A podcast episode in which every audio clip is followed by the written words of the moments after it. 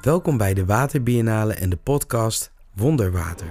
Een initiatief van Metaalkathedraal en de Waterschool, gesteund door provincie Utrecht.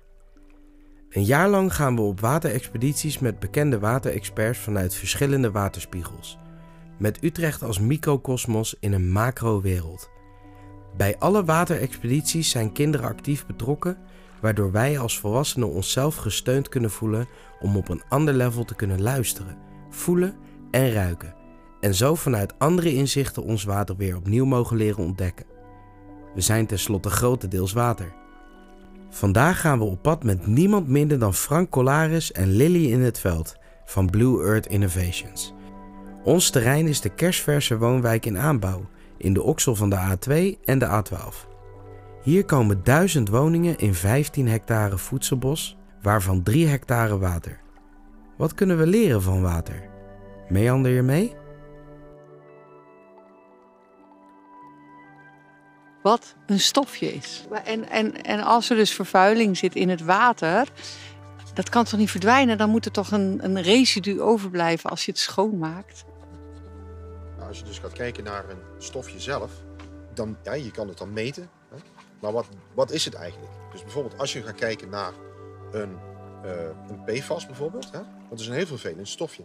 En bestaat uit verschillende atomen dus uh, je hebt daar fluoride, je hebt koolstof en dat maakt dan zo'n PFAS. En een PFAS die heeft een hele negatieve uh, uitwerking op de natuur. Mensen, op dieren, flora en fauna.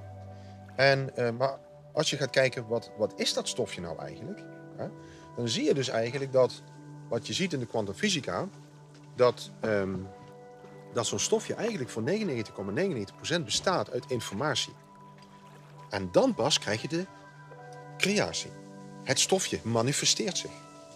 Maar dan vanuit die informatie. Dus je kunt dan aan de slag met dat stofje. Welke informatie? Nou, de bouwstenen eigenlijk waaruit het stofje is opgemaakt. En dat is informatief. Zie maar bijvoorbeeld dat bijvoorbeeld, uh, als je een spelletje speelt uh, en beweegt zich iemand op dat veld, die beweging is geschreven in software. Is een taal. Dat kun je neerzetten. Dit is exact hetzelfde. Dus een stofje is 0,01% materie en 99,9% energie.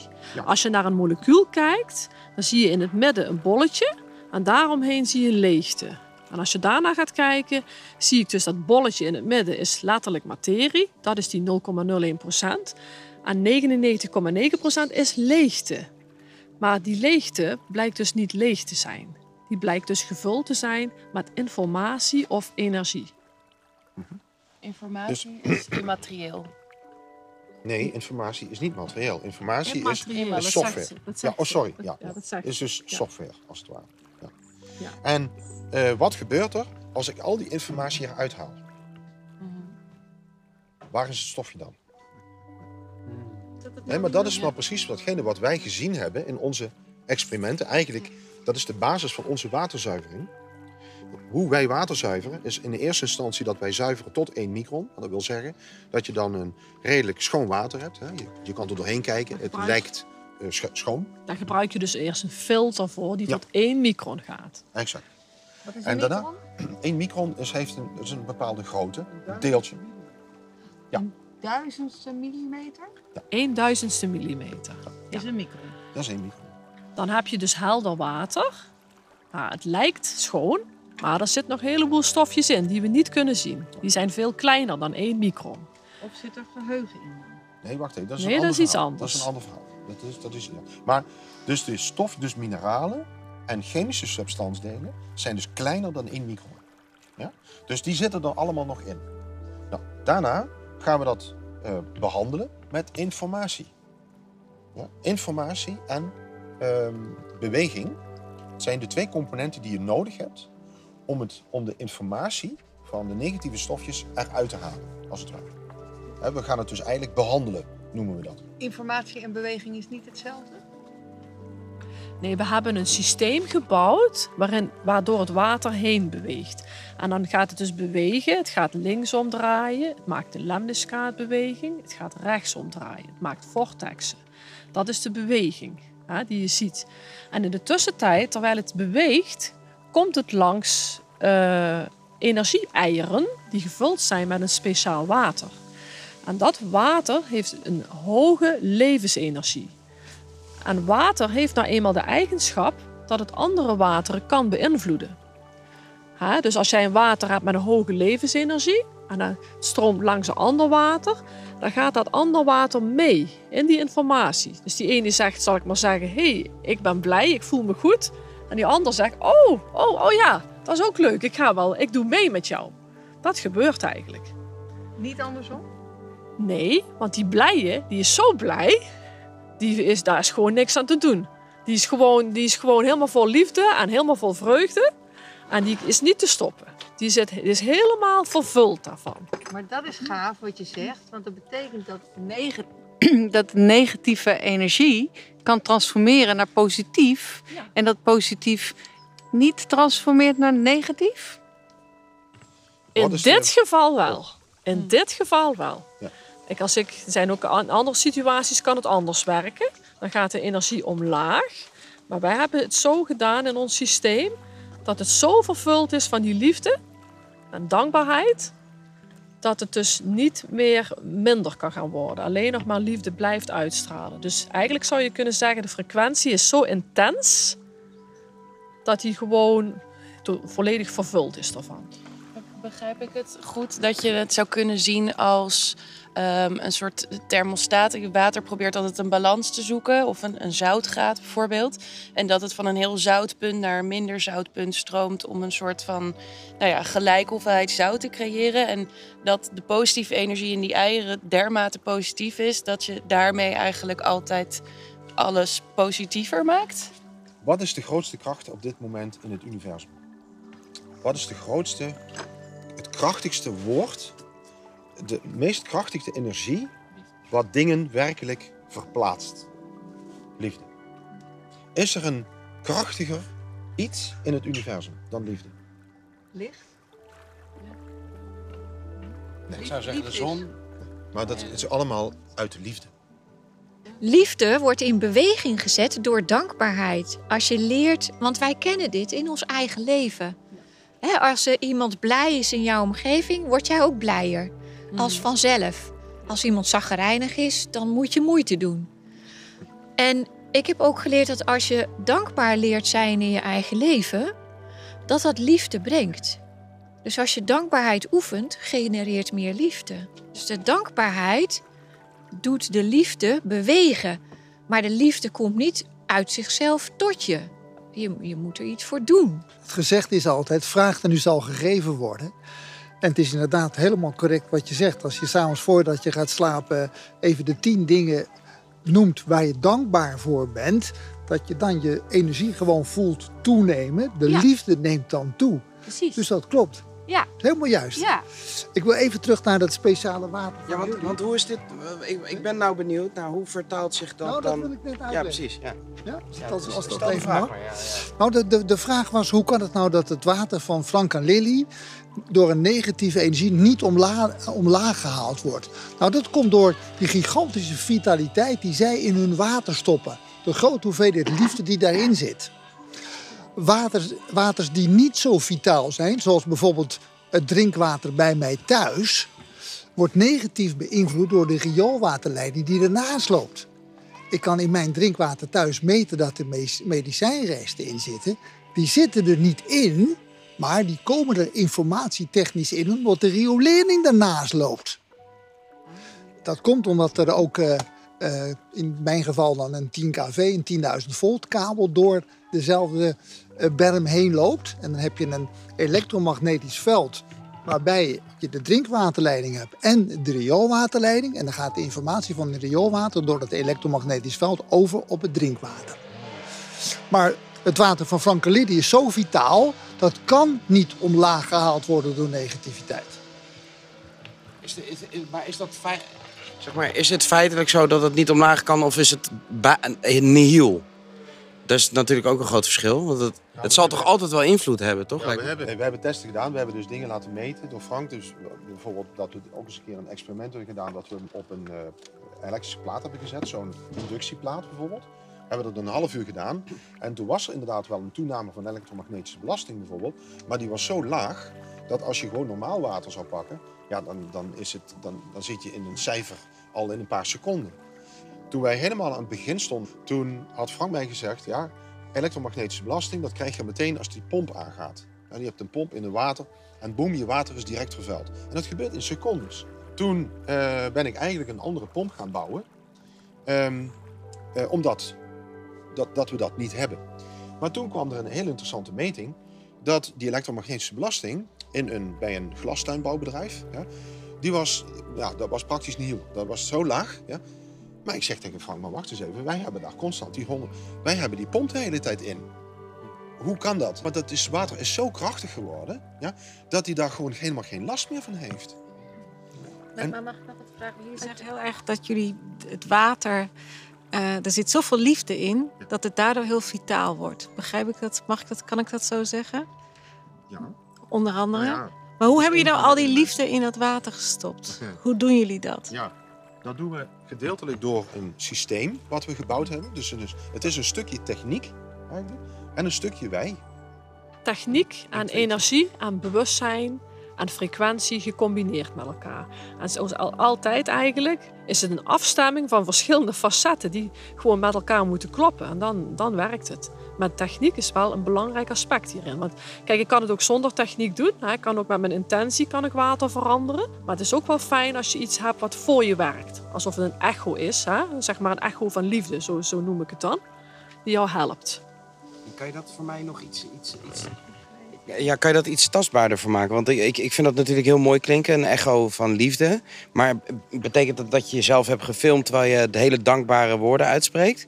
Of heb je een geluidsopname gemaakt? Of eh, is dat iets synthetisch wat je, wat je afspeelt of laat zien? Of, weet je, dat, dat, dat wil ik eigenlijk graag weten.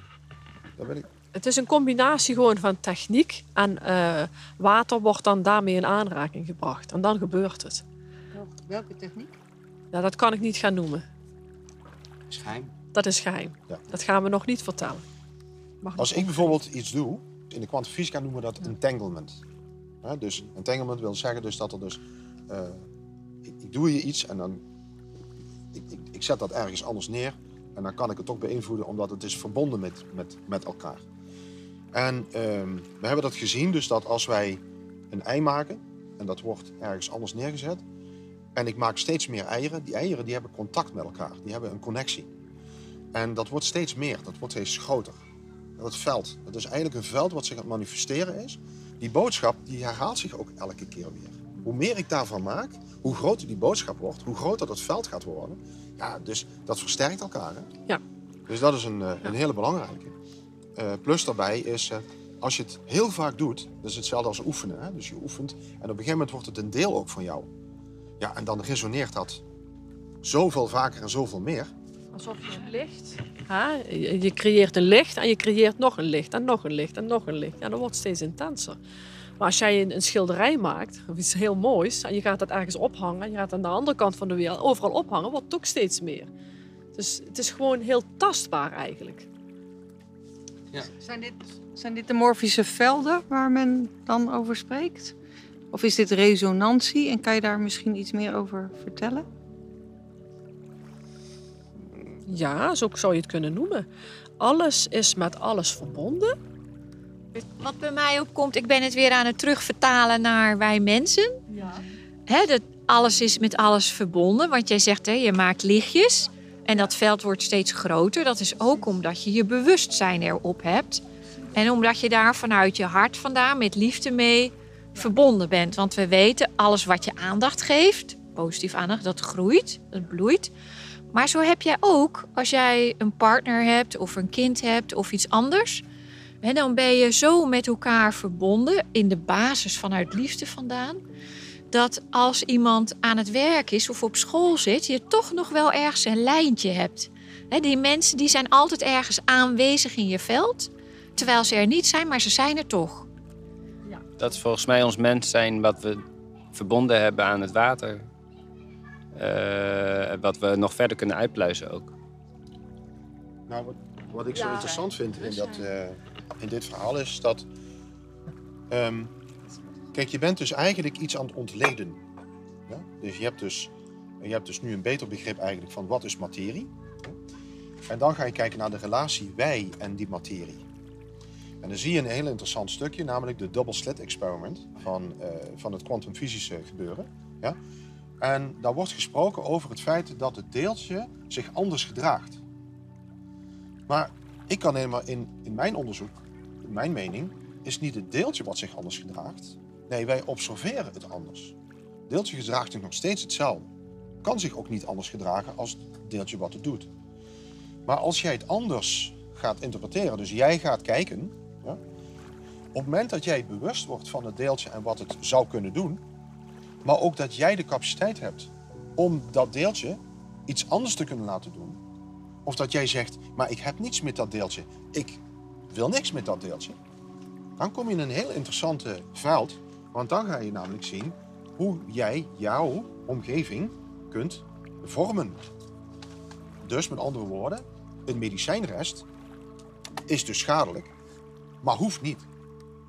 Kan een keuze zijn, maar ben je je daarvan bewust?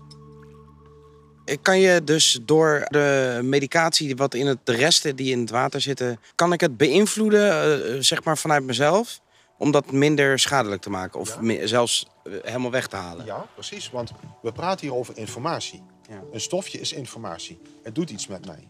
Ben ik mij er bewust van of onbewust daarvan? Word ik mij bewust ervan dat het inderdaad informatie is? En word ik mij bewust ook van het feit dat ik die informatie kan veranderen? Dan ben ik weer de grote speler in het speelveld. En ik bepaal dan de regel. Is dat gedachtekracht waar je het dan over hebt? Bewustzijn. Natuurlijk, gedachten. Het, het is allemaal, het, het, het zijn allemaal woorden. Die eigenlijk wat is, heel wat veel. is bewustzijn? Hm? Wat is bewustzijn? Ja, Water ik, is... ik ben bewust van. Ik ben mij bewust van. Van iets. Hè? Dus eh, ik ben bewust van dat ik hier sta op het grasveld. ik bedoel, maar Dus ik ben mij bewust van in het voelen. Ik ben mij bewust in gedachten. Ik ben mij bewust van energie. Hè, want het wordt zo lekker vaag. En ik wil het graag snappen. dat is het juist. Het is juist niet vaag. het is juist dat we, als ik mij bewust ben dat ik een eh, lichtwezen ben. Ja, ik ben een lichtwezen. Ik heb een ziel. Ik ben een heel krachtig entiteit. Als ik mij daar bewust ben, ben, dan ben ik niet meer een mens die denkt: oh ja, er gebeurt van alles en het gebeurt maar. Nee, ik word dan de beïnvloeder van mijn leefomgeving. Ik ga hem dus eigenlijk vormen. Op het moment dat wij dus in staat zijn om ons bewustzijn te verhogen naar dat niveau, dan wordt het heel moeilijk om die persoon nog te beïnvloeden in negatieve zin. Dat vind ik wel leuk, want jij bent dus techneut. Je rijdt op eh, heftruckjes. en Je hebt een grote fabriek. Dus ik vind het wel eh, eh, ja, een heel ander beeld wat nu ontstaat. Van iemand die dus technisch bezig is. eh, maar eigenlijk vooral helemaal niet technisch bezig is. Ik, ik denk het juist wel. Het is het samenkomen van verschillende facetten, daar gaat het juist om. Dat noemde ik toen straks ook. Hè? Ja. Dus De verschillende elementen moeten bij elkaar afgestemd zijn. Kijk, hoe ik er naar kijk is eigenlijk als volgt. Eh, wat is de basis van het universum? Volgens mij is dat liefde. En liefde is een enorme levensenergie. Is vreugde, is een creatiekracht. En van oorsprong zijn wij vol, vol liefde en vol levensenergie. En wat wij aan het doen zijn, water is ook van oorsprong vol levensenergie, vol creatiekracht. En wij zijn het of wij, wij met onze systemen zijn wij de levensenergie terug gaan brengen in alles. Want het is een hoge trilling, heb ik jullie horen zeggen. Ehm, het, heeft, het is het krachtigste wat er is. Ja. En dan heeft die negativiteit geen invloed meer daarop. En de gifstoffen daar geen invloed meer op. Dat is een keuze. Een keuze. Dat is een keuze. Keuze is nummer één in het leven. Van, van eh, het water of van de mens? Of van, van wie, is, welke, wie maakt die keuze? Ik denk zelf, ik kijk dan eventjes terug naar het medicijnwiel, hè, wat de Indianen hebben. Zij hebben daar een eh, nummertjes in staan. En nummertje 1 is keuze. Zij zeggen dat is het allerbelangrijkste wat er is. Dat bepaalt wat jij gaat doen, wat er gaat gebeuren in je leven. Kijk, als je, als je denkt dat je geen keuze hebt, keuze is dan, dat. dan wordt het lastig. Maar als je bent doordrongen van het feit dat er een keuze is, hoe moeilijk ook, ja, dan kun je er iets aan doen. En volgens mij ligt daar dus eigenlijk de oplossing voor het grootste deel van de problemen die wij nu hebben. Het zit in ons al.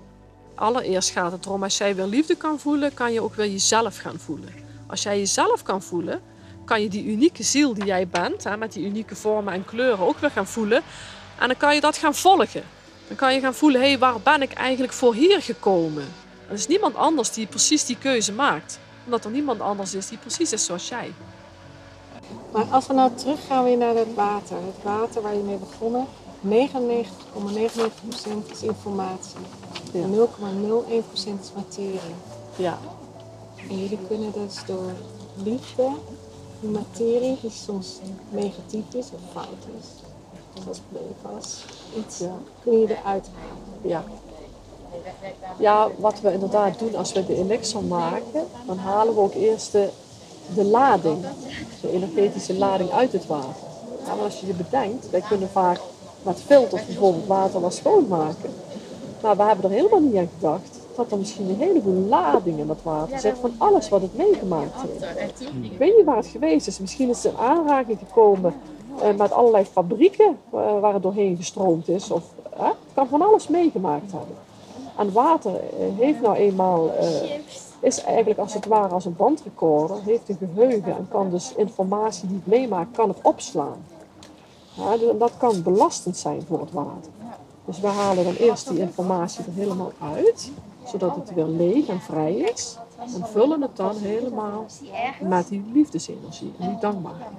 Kun je iets vertellen over dat, dat leeghalen van het water? Of wat je zegt, dat de energetische lading afhalen?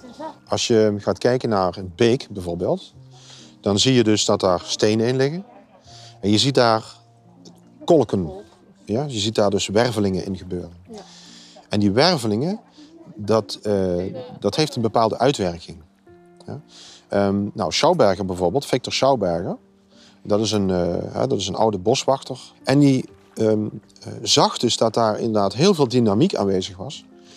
En je kunt zelfs meten dat in die wervelingen bijvoorbeeld ook temperatuurverschillen aanwezig zijn. Terwijl er zit geen koelkastje in of een, of, een, of een ander element wat het warm maakt bijvoorbeeld. Dus ik zeg eigenlijk maar dat de natuur eigenlijk, dus de- deze creatie, heeft, zich eigenlijk, heeft iets gecreëerd waardoor het zichzelf eigenlijk kan reinigen. Want eigenlijk een beek reinigt eigenlijk ook zichzelf door de wervelingen die het meemaakt. Dus in theorie zou het zo kunnen zijn dat ik als ik bijvoorbeeld een liter chloor aan de ene kant erin kieper, dat ik hem niet meer kan terugvinden, of in ieder geval een, groot deel niet meer kan terugvinden aan het eind van die beek. Niet omdat het zich afzet, maar gewoon omdat de natuur nou eenmaal een systeem heeft wat zichzelf reinigt. Ja? En eerlijk gezegd, als je daarover na gaat denken, hoeveel jaren wij nu al de natuur aan het vervuilen zijn, kan het ook bijna niet anders. Want anders zouden we nu volgens mij verdrinken in de rotzooi. Maar we hebben het zo goed gedaan, ons werk, als mens. Zo goed naar de kloten geholpen. dat, dat, dat we moeten even de natuur gaan helpen, of in ieder geval stoppen ermee. En een deel daarvan, dat hebben wij dus eigenlijk ontdekt, eigenlijk hier in het systeem. Maar we zien het ook terug in de natuur. Dus het is, is er al. We hebben het gewoon eigenlijk herontdekt en in een systeem gestopt, als het ware. Wat is water nou eigenlijk? hè? Water kan heel veel vormen hebben. Eh, water zit in alles wat bestaat. We hebben experimenten gedaan met eh, gasvormig water. Nou, bijvoorbeeld, eh, ik heb eh, vaak gewerkt met motoren. Eh, die we hebben laten draaien met water. Ja. En ehm, nou, daar had ik dus een, een, een, een opstelling gemaakt. Een karretje. En daar had ik een cilinder. En in die cilinder stop je dus watergas. Daar zit een bougie in. Die laat je ontbranden. En dan krijg je een explosie. Ja. En we hebben dus gekeken naar hoe, ja, hoe hoog komt dat karretje. Dan weet je, hè, hoe, zo groot is de explosie geweest. Ja? En ehm, eh, dat watergas, voordat het daarin ging, dan gingen we dat beïnvloeden. Door informatie. Dus niet eh, fysiek, maar informatief. Ja? Frequentie, dat soort dingen. En dan zagen we dus dat eh, ik kon het meer of minder laten exploderen. Ja? Dus ik had meer kracht of minder kracht. Puur door de informatie. Voor de rest had ik niets anders gedaan. Dat was voor mij een teken, maar dat is al zo lang geleden dat we het gedaan hebben, die experimenten. Dat heeft ons hier ook, ook hier meer gebracht om te leren van, hoe werkt dat eigenlijk? En ik heb geleerd dus ook dat watergas sneller te informeren is dan water in vloeibare vorm. Eh, bijvoorbeeld eh, onze vitalisator die we bouwen, bijvoorbeeld. Hè, daar gaat water in, dat gaat, in 15 seconden gaat het er doorheen. Ja? En in 15 seconden heb je het water totaal veranderd. Dus het gaat heel snel. Maar met watergas gaat het nog sneller. Dan zit je op anderhalf seconde bijvoorbeeld, of nog sneller. Maar elk water, of het nou in de bevroren is of niet, kan informatie bevatten en kan informatie opnemen. Want dat was jouw vraag. Eh, welke was hoger? De, de- ik neem aan dat de een was meer positieve energie die erin zit, de ander Nee. Of Nee, wat, wat, wanneer explodeert het hoger dan? Ja, maar dat is een beetje. Dat moet ik wel eerst even uitleggen. Kijk, wij mensen hebben begrippen zoals positief en negatief. Dat is voor ons een waardebegrip. In de natuur is dat niet. Daar bestaat dat gewoon niet. Daar is het gewoon het is. Een, een gier bijvoorbeeld, die eh, een, een, een eh, beest eet, dood beest eet, of, hè, dat is niet negatief. Dat is positief eigenlijk, want je moet ook opruimen. Snap je? Dus in de natuur, een leeuw die een ander beest eet, dat, het is gewoon. De mens heeft daar een heel ding van gemaakt. Dit is positief, dit is negatief. Dus laten we daar even proberen, om daar proberen een beetje afstand van te nemen. Om minder te oordelen, helpt al enorm om ook iets beter te kunnen bestuderen. Alleen al bijvoorbeeld dat. Hè? Dus als hij bijvoorbeeld iets meer of minder explodeert, dan is het gewoon een uitwerking van wat ik heb gedaan. Het is niet negatief of positief, het is. Kan je, maar kan, kan je de parameters die je dan anders hebt, want eigenlijk is dat een beetje wat je Ja. vraagt. Van, wa- wat is de input geweest wat het beïnvloed heeft?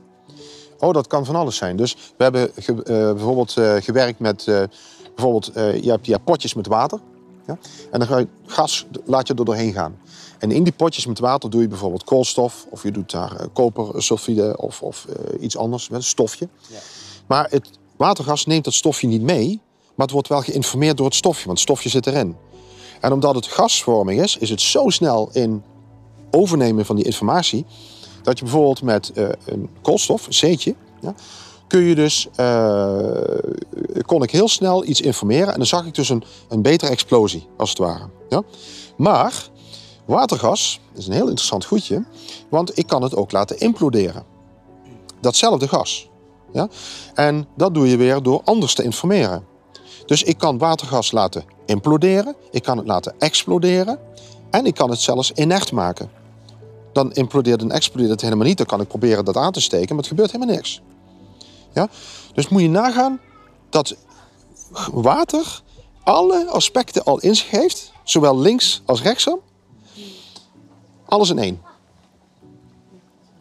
Kun je, misschien proberen uit te leggen wat informatie is? Want ik denk eh, aan een krant. eh, wat, wat doe je nou precies al als informatie? Nou, eigenlijk is alles informatie. Dus ehm, aarde is informatie. Gras is informatie. Lepeltje van staal, dat is informatie. Dat is informatie. Want, nogmaals, dit is opgemaakt uit informatie. Ja, het is materie. En daarna pas manifesteert het zich. Dus kijk, wij bijvoorbeeld, wij zijn een soort van quantumcomputers. Ja? En dus als een stofje in mijn lichaam komt, met dat stofje kan ik eigenlijk niks. Want ik ben geen meetinstrument wat werkt op elektriciteit en wat kan zeggen, oh, dit stofje kan ik analyseren. Dit systeem werkt op basis van die informatie. Daar komt informatie binnen. Als ik nou ga kijken naar die vitalisator waar ik eerder over heb, hè, daar gaat in 15 seconden gaat daar het water doorheen. Nou, we hebben door metingen aangetoond dat 90% van de negatieve informatie is kwijt na die 15 seconden. Die laatste 10% die zijn het moeilijkste. Dan moet je gaan behandelen. Dat doe je dan inderdaad in die 24 uur. Dan is die laatste 10% ook weg. Kan je informatie dan omschrijven als kennis? Nee, ik kan het heel moeilijk. Eigenlijk zijn het bouwstenen, ja. En bijvoorbeeld als wij een spel gaan bekijken, hoe werkt een spel of hoe werkt een softwareprogramma? Het zijn eentjes en nulletjes. Nou, zo kun je het eigenlijk ook een beetje zien. Eentjes en nulletjes die je achter elkaar zet en dan krijg je een uitkomst. Ja, en dan kan je je bedenken dat sommige informatie heel krachtig is en andere niet zo. Dus Informatie is- eigenlijk. eh, eh, het, het is een potentie om iets te doen. Het zijn, het zijn bouwstenen om iets mogelijk te maken. Eh, dat is het eigenlijk, denk ik. Maar als je het hebt over een bouwsteen, en dan zie ik toch iets heel materieels vormen, terwijl het immaterieel is. Ja, eh, nou feitelijk, Frank zegt het alles is informatie. Eigenlijk kan je nog één niveau hoger gaan. Eigenlijk is alles bewustzijn. Mhm, mhm. En eh, eigenlijk bestaat alles uit bewustzijn. Alleen wij zijn als westerse mensen zo waanzinnig materieel ingesteld dat wij denken dat er alleen maar materie is. En Frank zei het al, wij zijn medescheppers, co-creatoren. En dat doen we door de spirituele kolom, die bewustzijnskolom, te benutten. Het fysieke lichaam is de materiële kolom. Onze emoties, dat is de emotionele kolom. En dat, dat, dat, is ook de energetische kolom. En de derde kolom, zijn onze gedachten. Dat is de mentale kolom. Maar in die gedachten, daar zit ook de informatie, de data. En eh, in die eh, informatiekolom, als je met intentie werkt, dat doe je ook met een bepaalde gedachte, een bepaald mentaal concept wat je wil bereiken. Maar de kracht die je ervoor gebruikt om het te doen, die komt uit de laatste kolom, uit de spirituele kolom. Dat is onze kosmische verbinding. Daar komt de scheppingskracht vandaan. Dat is ook de reden dat wij als mensen medescheppers zijn. En dat we met onze vrije wil dingen kunnen creëren. Ja, dit is wat Frank beschrijft. Is een heel mooi model, vind ik. Ja? En dat, dat, dat is ook Ja, wat het is het een is. hulpmiddel, hè. We gebruiken modellen. Ja, kijk, ik, wat ik zelf bijvoorbeeld wel eens vertel, is van, je kan het ook zien als een, een enorme berg. En alleen dat topje van die berg, dat zien wij, dat is materie. Maar daaronder, onder dat water, daar zit een hele grote berg daaronder. En dat, die is inderdaad opgebouwd uit die lagen waar Frank over spreekt. Het is alleen zo jammer dat ons eh, eh, scientific materialism, onze wetenschap, zich alleen maar met onderzoek beperkt tot die materiële kolom. Want als we nou eens wetenschap zouden gaan bedrijven in die gevoelskolom, in die mentale kolom en die spirituele kolom, dan was onze samenleving al veel verder ontwikkeld geweest. Ja. Toen we met die kinderen hebben samengewerkt, hadden ze een heel mooi, die, die cirkel. die Ik ben kwantum. Ja, ik ben kwantum. En Ja. dat, je, dat wij ook eigenlijk door, continu door informatie heen lopen. Hm. Kun je dat misschien nog wat duidelijker maken? Ja. Dat vond ik zo mooi. Ik, ik kan er iets over zeggen. Dat- Want we hebben dus wat experimenten gedaan op het gebied van eh, wifi bijvoorbeeld. Ja, omdat dat heel duidelijk wordt in, dat, eh, in zo'n experiment. Je moet je bedenken dat hier op dit moment zijn allemaal signalen. Radiosignalen, wifi. Zet ik hier een radio neer, dan kan ik een zender ontvangen. Terwijl er misschien duizend zenders zijn. Maar ik ontvang er eentje. En die schaalt dan door de boxen en die verspreidt dan eigenlijk zijn informatie verder. Wifi is exact hetzelfde. Nou, punt is namelijk dat als ik mens ben en ik loop door zo'n informatieveld, dan pik je dat op. En daar kun je iets mee doen, of ons systeem kan daar iets mee doen. Maar op het moment dat je je afstelt op een andere zender, dan doet het jou niks meer. Want zo zien we dus bijvoorbeeld in de praktijk dat er mensen zijn die een ei kopen, die zeggen: Ik kan al 15 jaar niet meer slapen vanwege die wifi. En ik, hè, die zitten in de stad, een randstad ergens. Nou, en zeggen: Ik kan weer slapen. Waarom? Ze hebben zich ingetuned eigenlijk in dit veld, in deze, dit informatieveld. En zijn ontkoppeld van dat andere veld. Zo kun je dus keuzes maken op het moment dat je bewust bent dat die keuze er is. Maar als je dan verder gaat denken, maar als ik dat kan, wat kunnen we dan nog meer? En dan gaat er toch wel even iets open. Dan zie je dus eigenlijk, het is gewoon ongelimiteerd, want er zijn geen limieten. De enige limiet die er is, dat is de keuze van de vrije wil. Ik kan jou niks opleggen. Ik kan wel iets anders creëren voor mezelf. Dit is vrijheid. Exact. Ik had ook nog Vrijheid zit in je. Ja. Dan kunnen andere diersoorten dat ook, het water ook negatief of positief beïnvloeden. Is dat ook eh, energetisch meetbaar? Alles beïnvloedt dan Ja. het andere. Altijd. Maar je hebt dus als hier een koe staat, is het water anders dan als hij er niet staat. Even heel plat geslagen. Mhm. Lijkt me wel. Want Ja. koe bestaat ook uit water, toch? Absoluut. Dus Maar er is water, er is geluid. Als we kijken naar de oceaan. En, en eh, eh, alle vissen hebben een cruciale functie in de oceaan. De manier hoe ze bewegen en dus ook de golfslag eh, creëren en de beweging in het water creëren. En hoe, het, ja, hoe zij ademen, maar welke geluiden er ook zijn. Maar, maar, maar er zijn zoveel invloeden die er zijn. Geluid is trilling. Stroom. Maakt trilling, stroom maakt trilling. eh, gedachtes. Gedachte maakt trilling. En dus, dus is resonantie, eh, eh, gaat ergens heen. Maar als je, ik kijk dan zo naar de natuur, eh weet eigenlijk heel goed een harmonie te vinden tussen energieën. Het weet heel goed als er iets te negatief wordt, zo gezegd, eh, om een midden te brengen. Het is harmonie, hè? Eigenlijk, als alleen de mens eh, creëert dingen en weet vaak niet zo goed die harmonie te vinden. De natuur doet wel steeds heel hard zijn best om dat dan weer te helpen balanceren. En wat doet water? We zitten nu bij de water. Biennale. Dus Water? water wil ik in het midden stellen. Wat, wat doet water? Water, eh, water is eigenlijk een heel liefdevol wezen. Water wil helpen. Water wil, eh, zegt eigenlijk, wat wil je dat ik doe? Hoe kan ik je helpen? Dat is wat water doet. En het water neemt ook gewoon op hè, wat er in zijn omgeving gebeurt. En het kan niet anders dan dat, dat te zijn. Maar het kan ook heel goed zuiveren en dingen vervoeren. Ik wil het voorbeeld noemen van dit. Ik heb hier een cilinder in mijn hand met drie kleuren. Die heet die Blue De Vita, De Vita Earth. ja, sorry. De Vita Earth. Ja. Daar zit dus een eendei in, ook weer gevuld met datzelfde elektrowater. En die graven we in de grond in. En we hebben een experiment nu lopen, wat spoedig afloopt. En dat is een experiment bij ons, eh, zelf in België. We hebben daar 9,5 hectare, hebben we mais geplant. We wilden namelijk laten zien aan de wereld dat ehm, dat op het moment dat je dus werkt met water, het wezen van water, dat je een heel mooi klimaat kunt scheppen voor alles wat wil bloeien en leven. Toen hadden we gedacht, weet je wat, we gaan de extremen gaan wij doen. We gaan het meest extreme experiment uitvoeren wat nog nooit iemand heeft gedaan. Dat is namelijk voor drie jaar lang mais kweken op hetzelfde stuk land zonder enige vorm van toevoeging. Geen mest, geen kalk, helemaal niets. Geen mineralen, niks. Nou, elke boer zou je kunnen zeggen, dat is zelfmoord. Want die mais die trekt alle mineralen trekt die uit de grond. Daarom hebben we gekozen voor mais. We zitten nu in het derde jaar. En we hebben nog steeds goede oogst. Ja? Maar wat wij nu zien, is iets heel bijzonders. Want omdat wij dus niet de onkruid zijn gaan bestrijden met chemicaliën, hebben we heel veel onkruid tussen de mais. Nou, normaal als je daar als boer naar kijkt, zeg je nou, dit is waanzin. Want al die energie die gaat naar dat onkruid.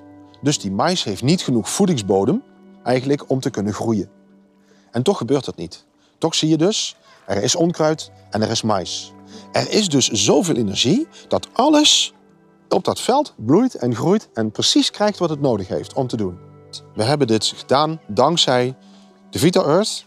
Eh, we doen ook elektrowater over het, water, over het land heen spreiden. Dus ehm 1 liter elektrowater mengen op 300 liter kraanwater. 300 liter kraanwater per hectare. En dat doen we drie keer per teelt. Met de Vita Earth erin in het land. We hebben ook maar vijf van deze nodig per hectare. Dus heel veel boeren hebben nou heel veel problemen vanwege het droge weer. Heel veel is gewoon kapot aan het gaan, mais. Wij hebben dat probleem niet. S'morgens vroeg, namelijk om 7 uur, eergisteren, toen het zo gordroog was overal, loop je, je ploegt je zelfs door het maisveld, want je komt er bijna niet doorheen, want het is gewoon vol. En je ziet de dauw gewoon er vanaf eh, vloeien. Met andere woorden, onkruid zorgt ervoor dat het vocht gewoon beter wordt vastgehouden. Dus waar vroeger de boer zei: Ik wil absoluut geen onkruid tussen mijn mais, dat is funest, is het nu een symbiose geworden. Maar dat kan alleen maar als hij genoeg voeding heeft. Maar waar haalt hij dan die voeding vandaan? Wij doen namelijk meten voordat we gaan telen en nadat we geoogst hebben. Dan meten we dus die mineralenhuishouding van de grond.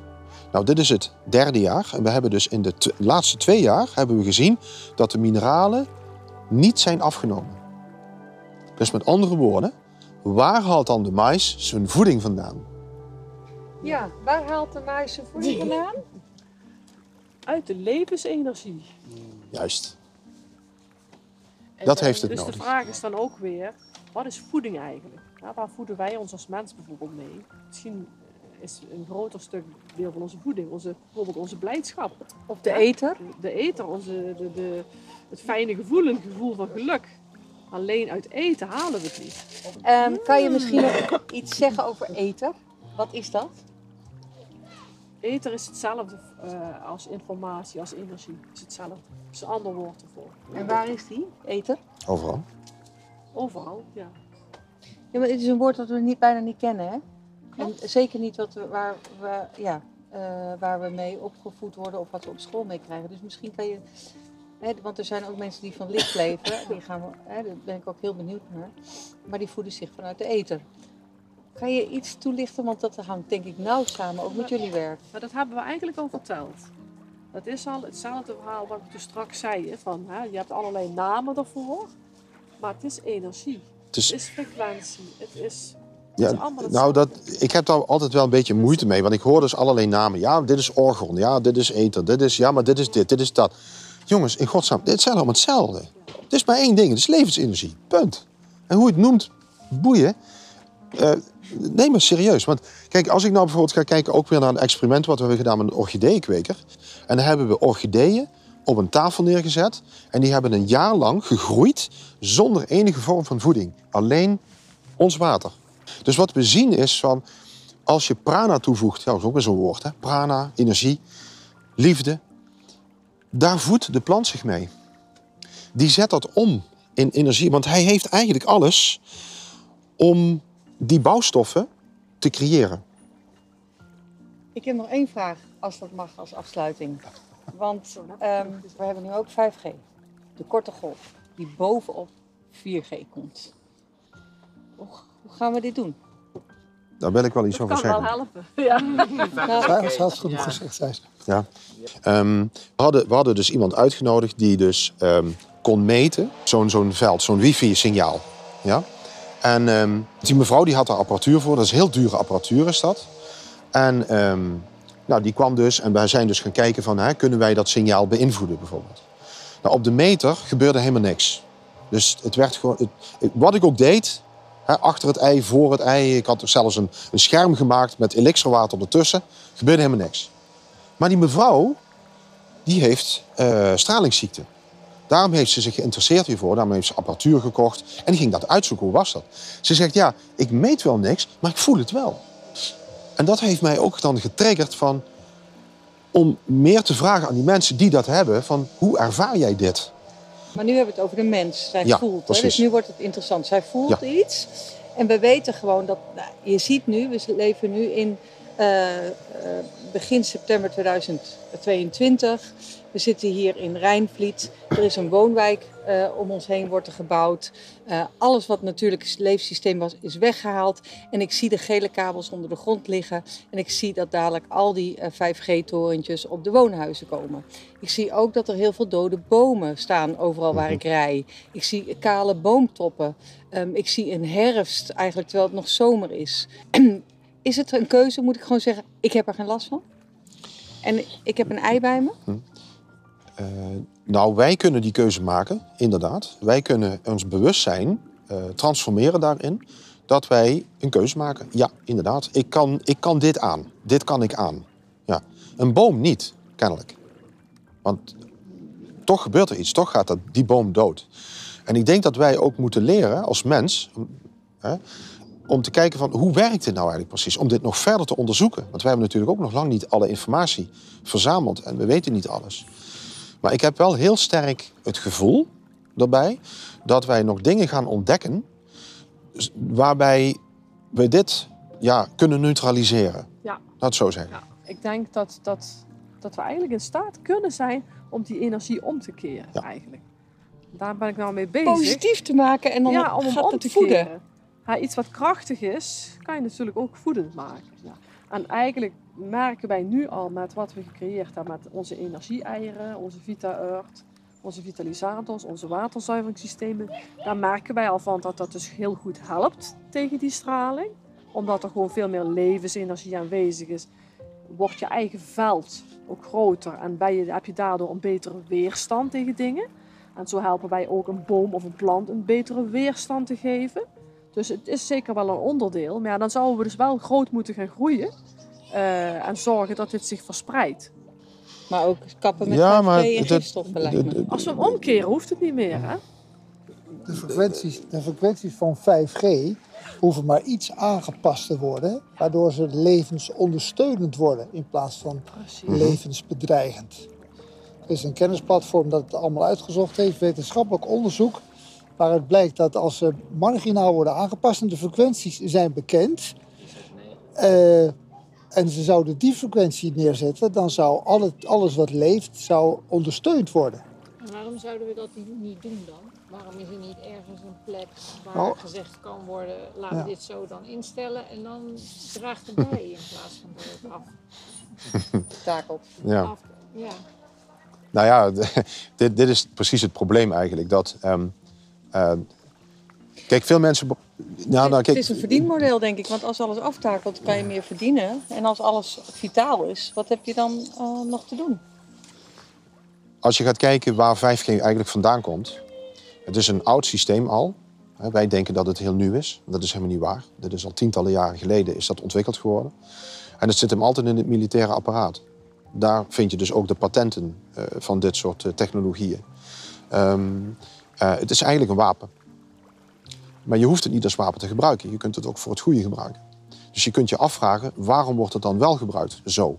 En niet andersom. En nog, dan nog komen er nog meer fijner is natuurlijk als we het als Dat mens gaan leren. Wat Frank eigenlijk, Sylvis, zegt. Ja, dat wij als, eh, zelf... eh, wij Inpakken die kunnen van alles Inpakken doen. hè. Ja, We kunnen allerlei oefeningen doen om onze frequentie te verhogen, om heel dicht bij onszelf te blijven. Dat kan op allerlei manieren. Er zijn ook heel veel mensen die er al mee bezig zijn. Dus dat kunnen we in ieder geval doen om ons eh, te beschermen. En goed, Inpakken die handel. goed te zorgen gezegd. voor onszelf.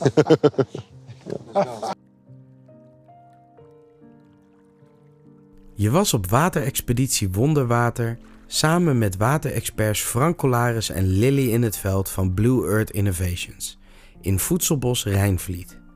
Hun kennis, werk en installatie Vita Blue is permanent te ervaren op Landgoed Metaalkathedraal om bij te dragen aan de vitaliteit van het voedselbos en ons water in Rijnvliet. Met grote dank aan provincie Utrecht, U900, gemeente Utrecht en Frank Colaris en Lily in het veld. En een diepe buiging voor alle betrokken kinderen en waterbiennale experts. Rianne Makkink, Waterschool Makkink B. Natasja van der Ban, landschapsarchitect. Claudia Jansen, waterkenner en onderwijsontwikkelaar. Frank Silvis, voormalig regiodirecteur Vitens en radioesthetisch expert Vortex Vitalis. Frank Colaris en Lily in het veld. Kwantumwetenschap met Blue Earth Innovations. Kunstenaars Finn Bekkering en Daan Bekkers. Rens Spanjaard, kunstenaar en voedselbosexpert. Sophie Floor Wartenberg, co-initiator Regeneratie Coöperatie. Iris Huizing, Quantumleren. Maureen Baas, initiatiefnemer, kunstenaar en directeur Metaalkathedraal.